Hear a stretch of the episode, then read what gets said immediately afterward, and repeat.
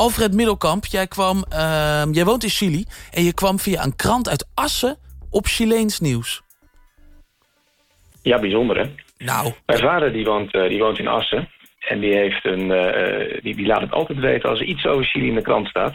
ja. En eh, ja, deze, deze week stond er, eh, stond er in de krant in Nederland... dat wij een, een nationaal park cadeau hebben gekregen.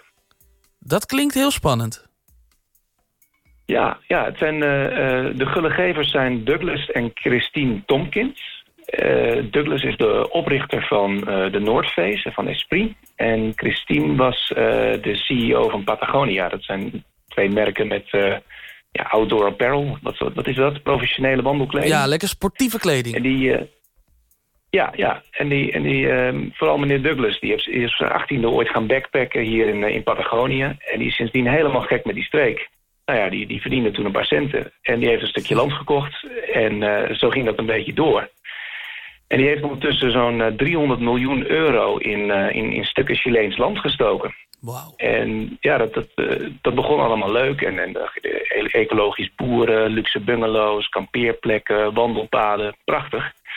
Maar op een gegeven moment had hij zoveel land bij elkaar... eh, dat dat eigenlijk van de kust eh, tot aan Argentinië eh, aan elkaar zat.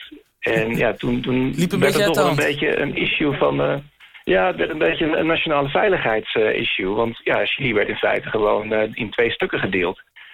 Ja, en toen kwamen er allemaal rare verhalen, ook in de pers hier. Eh, hij zou daar stiekem een, een sionistische kolonie opstarten. Hij zou een, een Amerikaanse kapitalist zijn die stiekem bezig was om, om heel Chili op te kopen. Hij werd ondervraagd door het congres.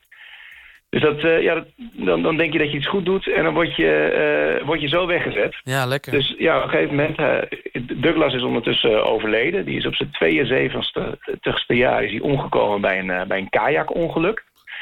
En zijn vrouw die heeft de overheid een, een prachtige deal voorgelegd. Dus die heeft tegen de Chileense overheid gezegd... wij schenken jullie een bultland. Dan moeten jullie daar nog een boel land bij doen. En dan maken we daar een, een nationaal park van. Dus zij hebben, eh, schrik niet, 4000 vierkante kilometer geschonken. Dat is zeg maar eh ter grootte van Noord-Holland. De overheid heeft er nog weer een boel bij gedaan.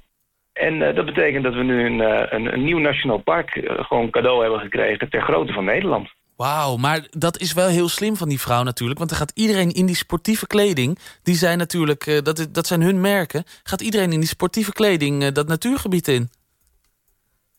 Precies, precies. Dus eh, ik moet zeggen dat zij ondertussen al, al hartstikke gepensioneerd zijn... en, en lekker van de prachtige natuur aan het genieten zijn. Maar eh, het, is, het is een mooi afscheidscadeau voor die bedrijven. Absoluut. Ja, ja, slim gedaan. En, en wat voor natuur eh, moeten we voor ons zien?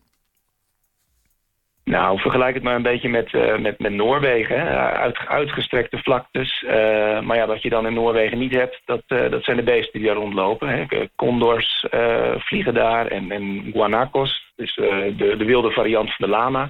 Oh ja. ja, het is, het, is, het is ontzettend prachtig. Je moet er zeker heen.